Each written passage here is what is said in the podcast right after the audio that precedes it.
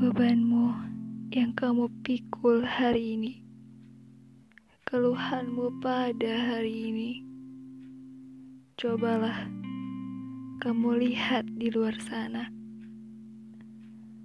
teman kita di luar sana yang harus kepanasan di tengah terik matahari untuk sebungkai nasi.